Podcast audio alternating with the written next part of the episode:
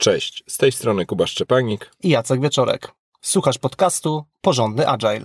Rozmawiamy o tym, jak pracować zwinnie i jak robić to porządnie. Zapraszamy.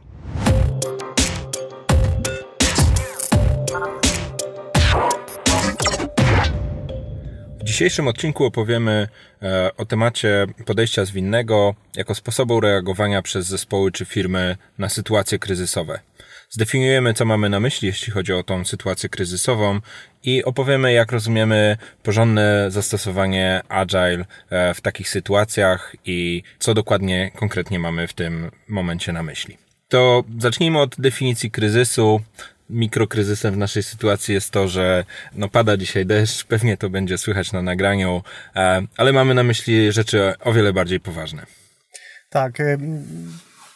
Przygotowaliśmy z Kubą kilka przykładowych sytuacji, które nam wpadają do tego pojęcia kryzys i chcemy te pojęcia na początek wprowadzić, żeby zbudować to zrozumienie, jakie konkretnie sytuacje mamy na myśli. Pierwszym przykładem na sytuację kryzysową z perspektywy działania firmy może być sytuacja, w której zmienia się prawo.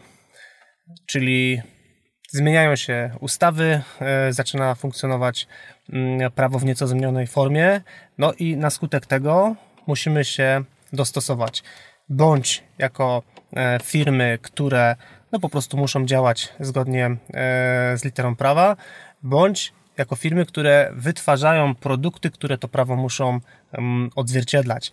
I teraz, jeżeli te zmiany prawa są nieczęste, no to nie ma problemu. Powiedzmy, że jesteśmy w stanie tym zarządzić. Natomiast jeżeli te zmiany w prawie przyspieszają, no to może się pojawić taka sytuacja, że zaczynamy działać e, w dużej niepewności. Mm, bardzo często te finalne, ta finalna wersja przepisów pojawia się chwilę przed momentem, kiedy one zaczynają obowiązywać. No i sprawia to spory e, problem zespołom, które muszą te przepisy implementować i odzwierciedlać w swoich produktach. I takie podchwytliwe pytanie, które wiele osób na szkoleniach, czy jak pracuję z firmami mi zadaje, że no tak fajnie, fajnie ten agile, backlogi, product owner, no ale wiesz, trzy czwarte tego, co robimy w ciągu ostatniego roku, to są zmiany w prawie.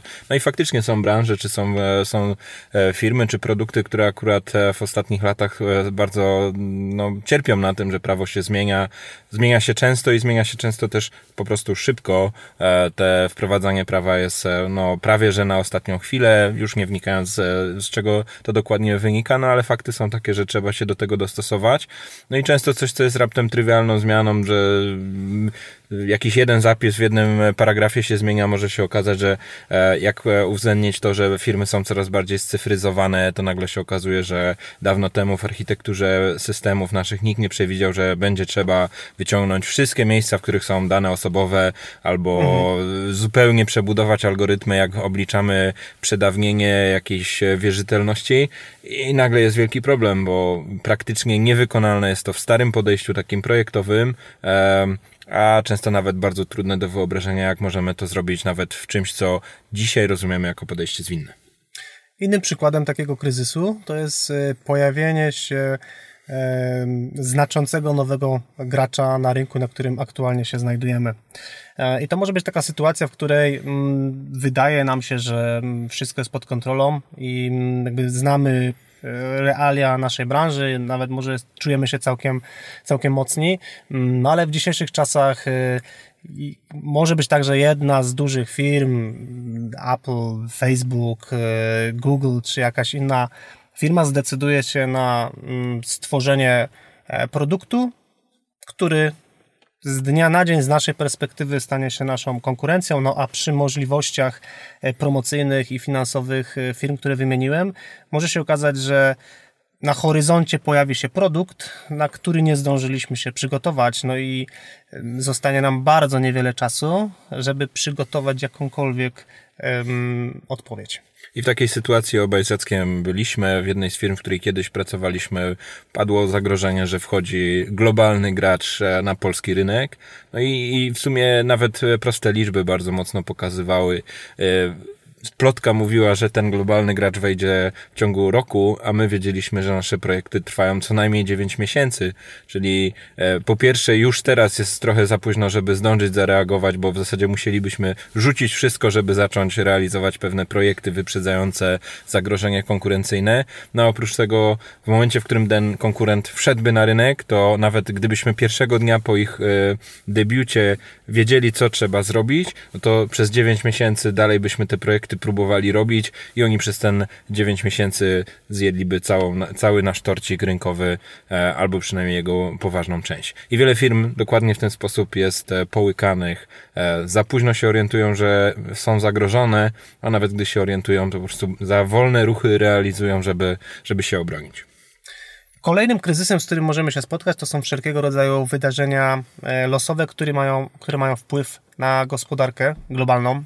I mogą być to przeróżne wydarzenia, to może być jakiś wybuch wulkanu, który e, blokuje e, ruch lotniczy, e, to może być tsunami, które zalewa fabryki pamięci, które potrzebujemy do naszych produktów hardware'owych, no czy ostatnie wydarzenia, które również mają mocny impact na gospodarkę, czyli zagrożenie spowodowane koronawirusem.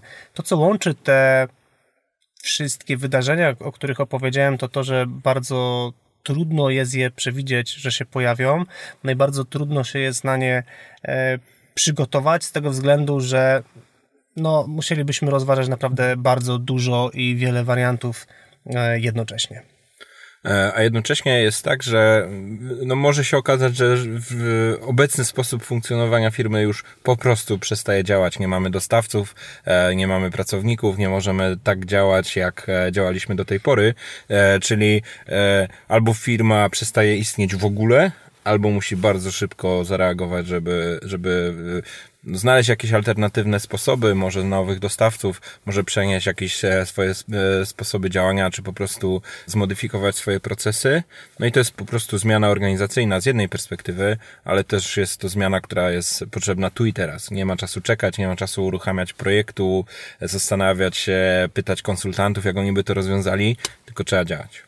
I ostatnim przykładem kryzysu to są wszelkiego rodzaju duże zmiany na lokalnym rynku, czyli to może być na przykład rynek pracy, gdzie pojawia się duża firma, która zaczyna płacić duże stawki e, pracownikom, no i okazuje się, że znacząco utrudniły nam się zdolności rekrutacyjne poprzez to, że większość pracowników, na których nam zależało, e, zostało, e, że tak powiem, wessanych e, do firmy konkurencyjnej, a my nie mamy takich budżetów, żebyśmy mogli z tego rodzaju firmą konkurować. Wszystkie te przypadki kryzysów, tak jak wspominaliśmy, albo są niemożliwe do przewidzenia, albo bardzo trudno jest się jakoś im wielce przeciwstawić, no i wymagają po prostu działania. I pewna myśl, która stoi za tym odcinkiem, to to, że wiele organizacji nawet tych, które nie znają podejścia zwinnego, nie umieją sformułować go albo tym bardziej nie korzystają z jakichś konkretnych metod, na przykład Scrama, w sytuacji kryzysowej intuicyjnie bardzo sprawnie wymyślą te podejście zwinne same. Wiele firm tak właśnie funkcjonuje. I co mam na myśli, y, co rozumiem tutaj w tym e, momencie e, pod pojęciem zwinnym? Zwinność w takiej kryzysowej sytuacji, e, no to postawienie firmy przed, e, pod ścianą i, e, i, no i wiele firm zareaguje w bardzo podobny sposób.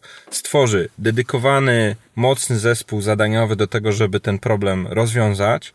E, na czele tego dedykowanego zespołu postawi najlepszego możliwego lidera, jakiego się uda znaleźć w firmie, który poprowadzi ten zespół, da im priorytety, wskaże wizję.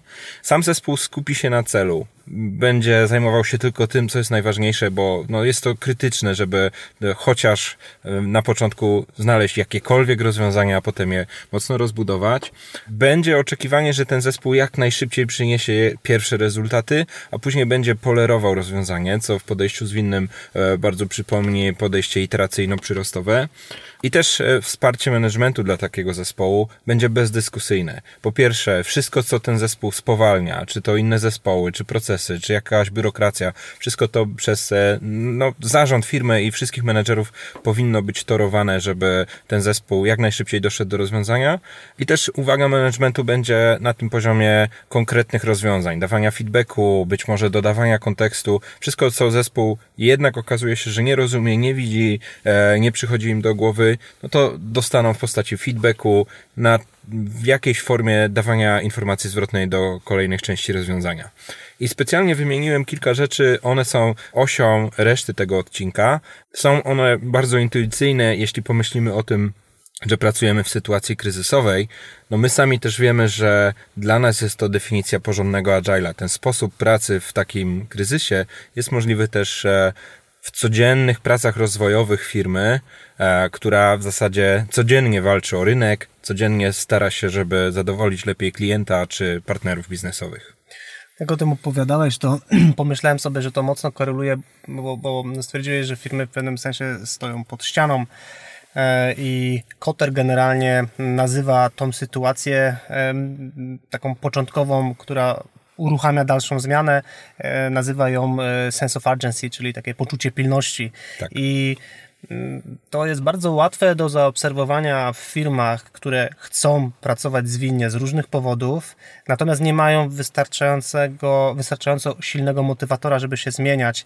I wtedy te zmiany są pozorne bądź powolne, często nie przynoszą, nie przynoszą takich efektów, jakich byśmy się spodziewali, a wynika to z tego, moim zdaniem, że tak naprawdę nie muszą. Tak. Natomiast to, o czym dzisiaj chcemy rozmawiać, to są sytuacje takie być albo nie być. W sensie albo drastycznie zmienimy sposób, w jaki funkcjonujemy, albo po prostu za trzy miesiące być może nie będzie nas e, na rynku. I uważam, że to jest chyba jeden z najmocniejszych motywatorów, który może popchnąć organizację do takiej prawdziwej zmiany. I dobrze, że to powiedziałeś o tym e, koterowskim sense of urgency, bo często tego poczucia nieuchronności zmiany nie trzeba szukać wcale po stronie zespołu, bo zespoł dosyć łatwo się zmotywuje do tego, żeby po prostu działać, ale, ale no, tu dochodzi ten wymiar organizacyjny. Firma jako taka powiedzmy biurokratyczna machina, czy, czy taka e, struktura, która jest przyzwyczajona do pewnej stabilności i ona do tej stabilności wraca, no może nie być zainteresowana wszystkimi tymi działaniami, o których e, przed chwilą mówiliśmy. E, bardzo silnego, konkretnego realizowania pewnej zmiany, czego efektem ubocznym może być też negowanie wszystkiego, co do tej pory zostało dopracowane. Podziału sił, ustabilizowanych procesów, jakiegoś podziału ról w firmie. To wszystko w takim kryzysowym świecie może być zanegowane i będzie ku temu wsparcie managementu. Niestety większość firm, która nie jest w takim kryzysie, no może czasem przedkładać sens biznesowy, rezultaty, e, przedkładać powyżej tych rzeczy jednak pewien spokój, stabilność, e, stare dobre, my zawsze tak pracowaliśmy i tak dalej będziemy robić i nikt nas nie przekona, że można inaczej. No dobrze, no to wracając do tych, mm, do tych e, takich charakterystyk, które wymieniłeś, pierwszą e, rzeczą, o której powiedziałeś, to taki dedykowany, mocny zespół. Jak definiujesz tą dedykowaność i mocność tego teamu. Czasami jest tak, że zespoły projektowe są powoływane na zasadzie przechodziłeś z e, e, kubkiem kawy po korytarzu, to znaczy, że masz wolne, czyli mogę ciebie wziąć do projektu, czy też e, z perspektywy menedżera, no mam do dyspozycji różnych ludzi, no ten najmniej obciążony, to, to jego daję do jakiegoś nowego zespołu zadaniowego. No w sytuacji kryzysowej pewnie wszyscy się spodziewają, że do takich projektów najważniejszych trafia człowiek, który jest super doświadczony, e, mocny w tym, co robi, kompetentny kompetentny przede wszystkim, a może nawet jak nie ma tego doświadczenia, to po prostu widzimy, że to jest super e, mhm. e, potencjał, czy osoba, która zna się merytorycznie na swojej pracy. No i e, z takich, zespół, z takich osób składałbym zespół, czyli osoby, które e, jakby znają się przynajmniej na swojej specjalizacji, a jeszcze fajnie, jeśli rozumieją też kontekst e, szerszy firmy, e, być może byli na kilku miejscach, może nawet jeśli są to specyficzne do niektórych przypadków projektu, są to osoby, które mają już takie doświadczenia. Czyli szukałbym osób dedykowanych, e, oddanych do zadania, kompetentnych. A jak mówię o dedykowaniu, no to, to też jest e, wielki kłopot takiego jak co dzień pracy w zespołach, że no fajnie, fajnie, że jesteś w projekcie, ale w trzech innych też jesteś i jeszcze jakaś praca operacyjna. I nagle się okazuje, że osoba jest dedykowana do tego projektu, ale jest też dedykowana do trzech innych projektów, czyli w praktyce z uwagi na koszt przełączania nie jest dedykowana do żadnego projektu, mhm. tylko się opędza, żeby to w kalendarzu jakoś w ogóle pomieścić. Czyli e, wracając no, do definicji dedykowania, możliwość skupienia się, poświęcenia się tej pracy, która jest najważniejsza, no i odłożenie na bok e, albo chociaż czasowo, albo kompletnie wszystkich innych rzeczy, które mogą rozpraszać. Ja bym chyba dodał do tego, co powiedziałeś, e, akcent na to, że oprócz mocnych kompetencji, takich nazwijmy to związanych z naturą produktu czy technicznymi, dołożyłbym taki aspekt jak dobrze ta osoba odnajduje się w zespole. Tak. Czyli ja bym nie chciał e, drużyny gwiazd, mhm. gdzie ego będzie e, przysłaniać, e, każde indywidualne ego będzie przysłaniać cel zespołu, tylko osoby, które bardzo dobrze odnajdują się w teamie, potrafią współpracować, potrafią się komunikować, potrafią pomagać, no czyli widzą jakby coś więcej niż tylko to, że mam swoje zadanie i muszę je zrobić i potrafią spojrzeć z perspektywy moje zadanie moim zadaniem, ale jeszcze jest coś takiego jak zespół, no i co do zasady jako zespół chcemy wygrywać, a nie tylko ja indywidualnie. Więc takie coś bym jeszcze tutaj yy, dołożył. No bardzo ważny dodatek, czyli dedykowany, mocny zespół, a nie dedykowani, mocni eksperci, którzy tak. nie tworzą zespołu. Czyli nie grupa ludzi, a, a tak, team. jak najbardziej. No dobrze, kolejny punkt no, następną e, ważną e, cechą takiego mocnego zespołu dla mnie to jest też e, lider.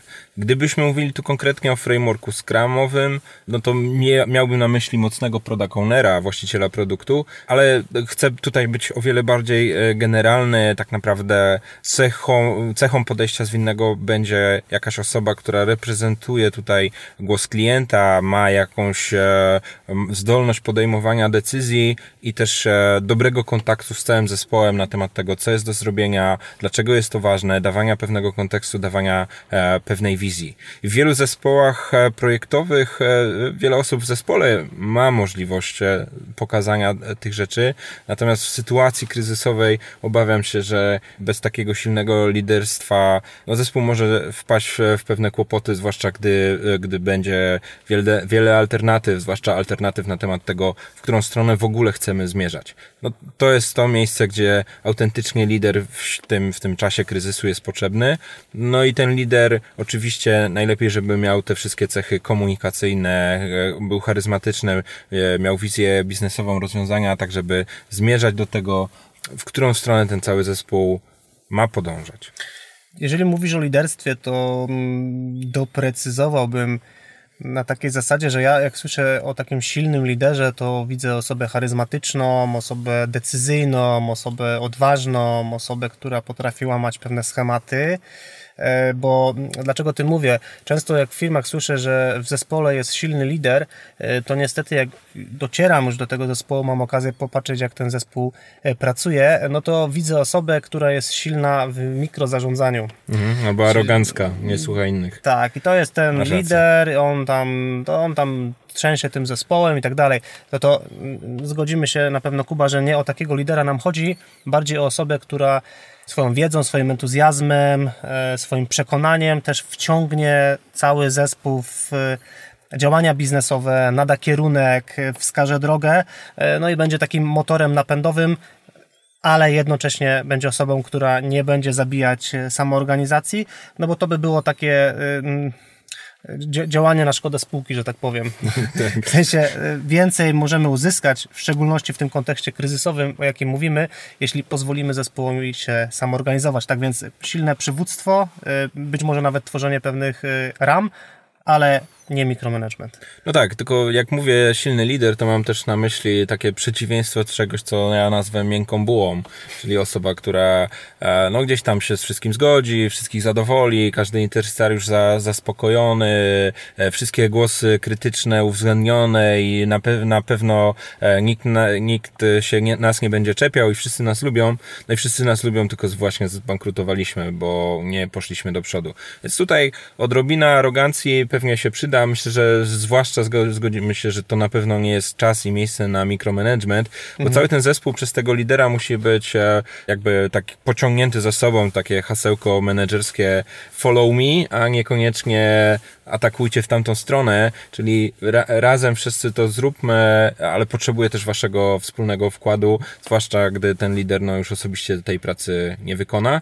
No a zwłaszcza w podejściu zwinnym, no to tutaj mnóstwo korzyści wyjdzie też z samoorganizacji zespołu, współdziałania, wzajemnego jakby kreatywnego tworzenia. No i to jest możliwe wtedy, gdy, gdy ci wszyscy członkowie zespołu widzą, że ma to sens. Jeśli lider nie słucha, jeśli lider narzuca, jeśli lider mikro zarządza, to błyskawicznie zdemotywuje całą resztę ekipy. No i wtedy tych rezultatów nie osiągniemy. Dobrze. Kolejnym aspektem, który uważamy za krytyczny w czasach kryzysu, to skupienie zespołu na celu. I myśląc o tym skupieniu, mamy na myśli, żeby zespół potrafił bardzo precyzyjnie oddzielać rzeczy, które faktycznie przynoszą wartość i przybliżają nas do rezultatów, od rzeczy, które no, myślimy, że się przydadzą, albo wydaje nam się, że są istotne, natomiast e, tej wartości nie przynoszą. I tutaj wydaje mi się, że takim bardzo sensownym wsparciem tej naszej teorii jest jedna z zasad manifestu Agile, która mówi o tym, że e, prostota, czyli sztuka maksymalizowania ilości pracy niewykonanej jest zasadnicza. I to takie dziwnie brzmiące e, na pierwsze słuchanie, e, pierwsza zasada, mm, no, niesie za sobą dużo prawdy, czyli warto skupić się na tym, żeby wyselekcjonować rzeczy, których zdecydujemy się nie robić. I to może być o tyle trudne, że zawsze tak robiliśmy, albo w poprzednich projektach, produktach tak działaliśmy. E, albo bezpiecznie jest zrobić na wszelki wypadek wszystkie te pozostałe były... rzeczy, nikt się nie będzie czepiał. Czyli tutaj mi się wydaje, że jakby to się łączy z tym punktem tego liderstwa, też takiej odwagi, żeby powiedzieć, ja wiem, że zawsze tak było, ja wiem, że zawsze tak robiliśmy i że byłoby bezpiecznie i tak wszyscy byliby zadowoleni, no ale y, kryzys to znaczy, że się pali, więc jakby nie ma zbyt dużo czasu, no więc musimy pewne rzeczy ciąć. No i tutaj ta jasność celu biznesowego, w ogóle komunikacja tego, jakie rezultaty chcemy uzyskać, e, no uważam, że to jest y, topowy priorytet, żeby zespół utrzymywał tą ostrość na rzeczach, które faktycznie są istotne. E, w temacie skupiania na celu bardzo fajnie pokazał mi jeden zespół, z którym niedawno pracowałem i który też szkoliłem. Ten zespół pokazał mi jedną rzecz związaną z e, jakby kodowaniem tego, co to znaczy mała wartość e, produktu, czy brak skupienia się na celu. Często na szkoleniu obaj z Jackiem robimy ćwiczenie e, zwinne zamki. Obaj już dopracowaliśmy się o wiele bardziej zaawansowanej wersji niż to, co możecie znaleźć na agile247.pl. No i tam między innymi jest FOSA. I FOSA jest bardzo dobrym słowem kluczem z tego zespołu, o którym e, teraz myślę, na to, że można robić pracę super pracochłonną, dającą bardzo mały rezultat biznesowy, no ale przecież każdy zamek ma fosę. Nieważne, że klient tego nie mhm. chce, nieważne, że nic na tym nie zarobimy, nieważne, że e, duża część zespołu będzie pochłonięta tym zadaniem, e, które nam też przy okazji będzie blokowało wiele innych czynności, no ale trzeba tak zrobić. I częścią tego skupienia na celu jest też e, duża zdolność, czy w ogóle gotowość, może najpierw gotowość, a potem umiejętność dzielenia całego zakresu na mniejsze elementy, szukania jak najprostszych rozwiązań, szukania e, tych pierwszych wersji, które już dają wartość biznesową, już zarabiają, już rozwiązują nam ten problem, który w ogóle zainicjował, e, zainicjował ten kryzys, o którym tutaj mówimy w ramach tego odcinka i dopiero potem e, szukamy coraz lepszej, coraz lepszej, coraz lepszej wersji, aż w końcu może przyjdzie czas na fosę, a może nie. Wspomniałeś, Kuba, o dzieleniu na mniejsze kawałki tego, co chcemy zrobić. No i tutaj bardzo płynnie możemy przejść do naszej kolejnej rekomendacji, czyli do tego, żeby pracować w krótkich iteracjach i skupiać się na tym, żeby każda iteracja przynosiła faktyczny e, przyrost produktu. Bardzo łatwo jest wpaść w taką e, pułapkę pod tytułem mamy czas, e, zrobimy, zróbmy to rasa dobrze. E, przecież tworzenie takich wersji pośrednich no, będzie wymagało pewnie jakiegoś zdublowania pewnej pracy, czy wracania do pewnych etapów. No i tutaj jakby ja z tymi wątpliwościami co do zasady się zgadzam na takiej zasadzie, że słyszę je i rozumiem. Natomiast no, personalnie jestem bardzo dużym fanem tego, żeby pracować w krótkich iteracjach, to bo wtedy naturalnie mamy mniej czasu, więc zaczynamy myśleć o tym, co jest faktycznie ważne i to automatycznie popycha nas do tego, że musimy zacząć ciąć zakres.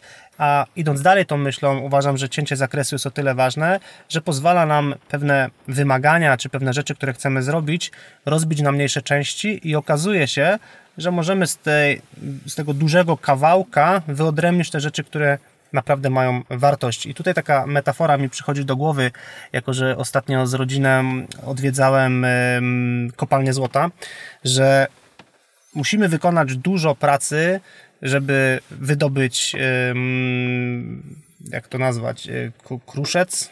No, tak właśnie to jest w złocie. E, natomiast jakby ilość materiału, który musimy wydobyć w porównaniu do tego, ile tam jest tych y, cząsteczek y, złota, mm, no jest jakby nieporównywalna.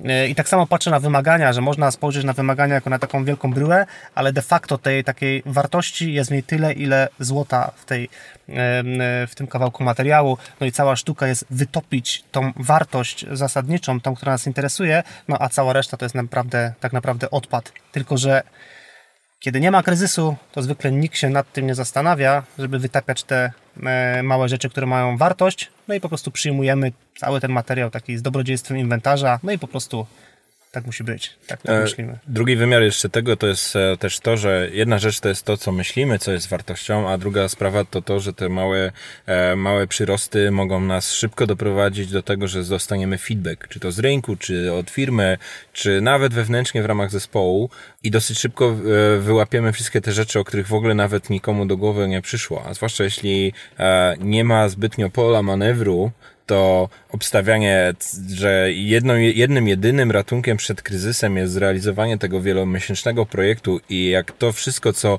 dzisiaj myślimy, że potrzebne jest do zrobienia, za parę miesięcy zostanie wdrożone i wtedy już będziemy z powrotem spokojni, no to bym powiedział jest dosyć ryzykowną strategią. To jest coś na zasadzie weź wszystkie oszczędności i obstaw, że dzisiaj Lech wygra z Górnikiem.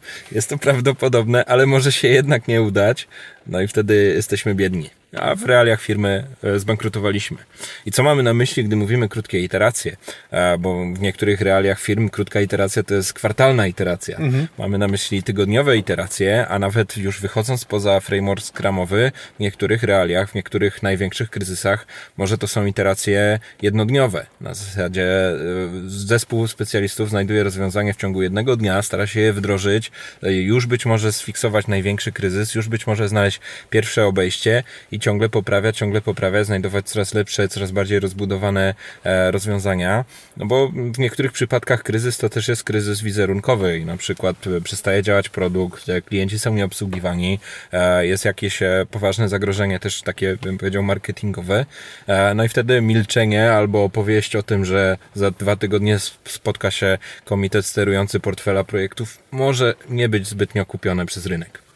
No i żeby to wszystko, o czym mówimy, y, mogło funkcjonować w wydajny i efektywny sposób, e, bardzo ważne jest, żeby zespół otrzymał wsparcie w torowaniu drogi. Czyli żeby przy, w przypadku pojawiania się jakichkolwiek y, przeszkód, problemów, y, blokad, jakichś zależności zewnętrznych, których zespół nie jest w stanie usunąć samodzielnie, żeby firma dostarczyła czy to poprzez y, wsparcie menadżerów, czy to poprzez jakieś inne rozwiązanie supportu takiego, że no dobra, zwykle na tego typu problem musimy czekać tydzień, żeby go rozwiązać, no ale nie, jakby to jest poważna sytuacja i my nie możemy dłużej czekać tydzień, no bo tydzień to jest dla nas za długo. My musimy mieć problem rozwiązany dzisiaj. I być może to będzie wymagało kompletnie przemodelowania myślenia o tym, czym zajmują się menadżerowie, albo trochę przeorganizowania sposobu myślenia o pewnych problemach i zarządzania tymi problemami. No ale mam tutaj na myśli coś takiego, że zespół zgłasza problem i po prostu od razu jest jakieś konkretne działanie, czyli bardziej na bieżąco usuwanie problemów niż zarządzanie listą problemów, które ma zespół, no bo my nie chcemy nimi zarządzać, my chcemy te problemy usuwać. I to jest taki bardzo praktyczny sposób na realizację pewnej takiej wytycznej, że zwinny management to jest e, pewne kreowanie środowiska pracy, e, czy, czy, czy przesuwanie, czy ustalanie granic e, tego, co zespół może realizować. No i wykonać można to poprzez z jednej strony pytanie zespołu, jakie mają największe problemy, które ich spowalniają, utrudniają im zrealizowanie czy dostarczenie wartości biznesowej. No a bardzo podobne drugie pytanie, a co jest takiego, co jest poza mocą sprawczą, co ja mogę jako menedżer e, zrobić. No i najlepsze, co mogę zrobić, to mogę zrobić to szybko, bo jeśli zespół realizuje zadanie, które jest wartościowe albo wręcz krytyczne dla funkcjonowania firmy, to każda godzina czy każda minuta, gdy to jest niezrealizowane, powiększa ryzyko albo oddziela nas od spokoju jakiegoś tam biznesowego, czy jakkolwiek to nazwiemy. I ostatnia, e, ostatni aspekt, na który mm, zwróciliśmy uwagę i uważamy, że jest istotny, to jest przyłożenie odpowiedniej uwagi managementu, które pozwoli zespołowi po pierwsze poczuć, że faktycznie to, czym się zajmują, e, jest istotne, e, a po drugie stwarza to możliwość do sprawnego otrzymania informacji zwrotnej. I myśląc o menadżerach, mam tutaj na myśli menadżerów, którzy są w stanie swoją wiedzą, doświadczeniem pracy w konkretnej firmie pomóc zespołowi, nakierować ich, y, wesprzeć, y, czasem podpowiedzieć jakieś rozwiązanie, y, czyli tak po staropolsku powiem, zakcelerować proces ich uczenia. Przed odcinkiem rozmawialiśmy sobie z Kubą mm, o przypadkach różnych, których doświadczamy. No i taki częsty przypadek braku tej uwagi to jest sytuacja, w której zespół przeprowadza jakąś formę przeglądu przyrostu produktu, czy to jest przegląd sprintu w Scrumie, no i okazuje się, że na tym przeglądzie mamy właściciela produktu, czy jakąś osobę biznesową i zespół. I żadnego menadżera, żadnego stakeholdera, no to to jest ten przypadek, którego chcielibyśmy unikać, żeby też nie tworzyć sytuacji, w której zespół czuje, że ich praca tak naprawdę nie ma żadnego znaczenia, no bo skoro nikt nie przyszedł, no to może w ogóle nie musieliby się spotykać i czegokolwiek pokazywać. No, w niektórych firmach też e, słyszę, że w zasadzie niewykonalne byłoby takie podejście, o którym tutaj przez cały odcinek opowiadamy, no bo ci ludzie, których mamy w zespołach, gdzieś tam na najniższym poziomie w strukturze organizacyjnej po prostu nie mają kontekstu. Nie znają e, strategii, nie wiedzą, jakie są pomysły strategiczne na jakieś partnerstwo, być może e, nie wiedzą, jakie były opcje rozpatrywane, inne niż te, które były ostatecznie przekazane do całej organizacji jako ten wiodący kierunek. I pewnie jest w tym sporo prawdy, wierzę w to, że jest w tym sporo prawdy, no ale gdy przychodzi kryzys, to te wszystkie konteksty prawdopodobnie są kluczowe. E, no, jak to robi lekarz przy badaniu, no, trzeba się przyznać do wszystkiego, co może dolegało, czy tu strzyka, a jeździ pan na nartach, a jak się pan odżywia, a może pan nie ćwiczy, a może pan właśnie ćwiczy za dużo. Wszystkie te rzeczy, które mogą sprawić, że lepiej zostanie przez ten zespół postawiona diagnoza, i też e, dobrane zostaną lepsze rozwiązania. Tu na pewno nie uda się uniknąć e, e, jakiejś metody prób i błędów, być może zwłaszcza jeśli ten zespół jest pod dużą presją, to po prostu o wiele ważniejsze będzie działanie niż wielkie dywagowanie, no ale zwłaszcza jeśli pierwsze rozwiązania, pierwsze wersje produktu, pierwsze mikroobejścia tego najważniejszego problemu zaczną być coraz lepiej kształtowane, no to każdy kolejny krok może być już bardzo poprawny, czy o wiele poprawniejszy dzięki temu, że dostaje zespół fajny kontekst, fajny feedback. E, ten feedback też często będzie po prostu wzmocnieniem motywacji. Jest Wam ciężko, jesteśmy zadowoleni z tego, co zrobiliście do tej pory. Tu są kolejne pomysły na to, co jeszcze można by osiągnąć. Podsumowując, uważamy, że takie zdroworozsądkowe podejście zwinne może być bardzo dobrą receptą na wszelkiego rodzaju kryzysy. Te kryzysy muszą być faktycznie odczuwalne i być realnym zagrożeniem dla firmy, e, ponieważ tylko wtedy, bazując na naszych doświadczeniach, firma jest w stanie zmienić stan za stany i zacząć myśleć trochę inaczej niż zwykle to mm, miała w zwyczaju. Jeżeli jesteś e, słuchaczu menedżerem w firmie, która właśnie staje w obliczu takiego kryzysu, to taka ostatnia nasza rada na koniec, że być może w Twojej firmie są już osoby, które są całkiem e, e, doświadczone w podejściu zwinnym, być może w e, IT, być może w HR-ze. Takie podejście jest stosowane już e, w zwyczajnych projektach i te osoby będą miały poprowadzić pracę zespołu w taki sposób. No i może warto z nimi porozmawiać, może warto ich zaprosić, posłuchać, jak oni by zareagowali na taką kryzysową sytuację, e, przed którą być może Twoja firma stoi. Jeżeli miał lub miałabyś ochotę przepracować podobnego rodzaju tematy podejścia zwinnego osobiście, to zapraszamy Cię z Kubą 7-8 maja do Warszawy na warsztaty Porządny Agile. Przepracujemy na tych warsztatach zaawansowane przypadki używania podejścia zwinnego i wyjdziemy bardzo daleko poza to, czego możesz doświadczyć na szkoleniach przedstawiających, czym jest Scrum i czym jest podejście zwinne. Więcej informacji na temat tego warsztatu znajdziesz na stronie porządnyagile.pl łamane na warsztaty. A to by było na tyle w tym odcinku. Dzięki Jacek Dzięki Kuba. i do usłyszenia Wkrótce. wkrótce.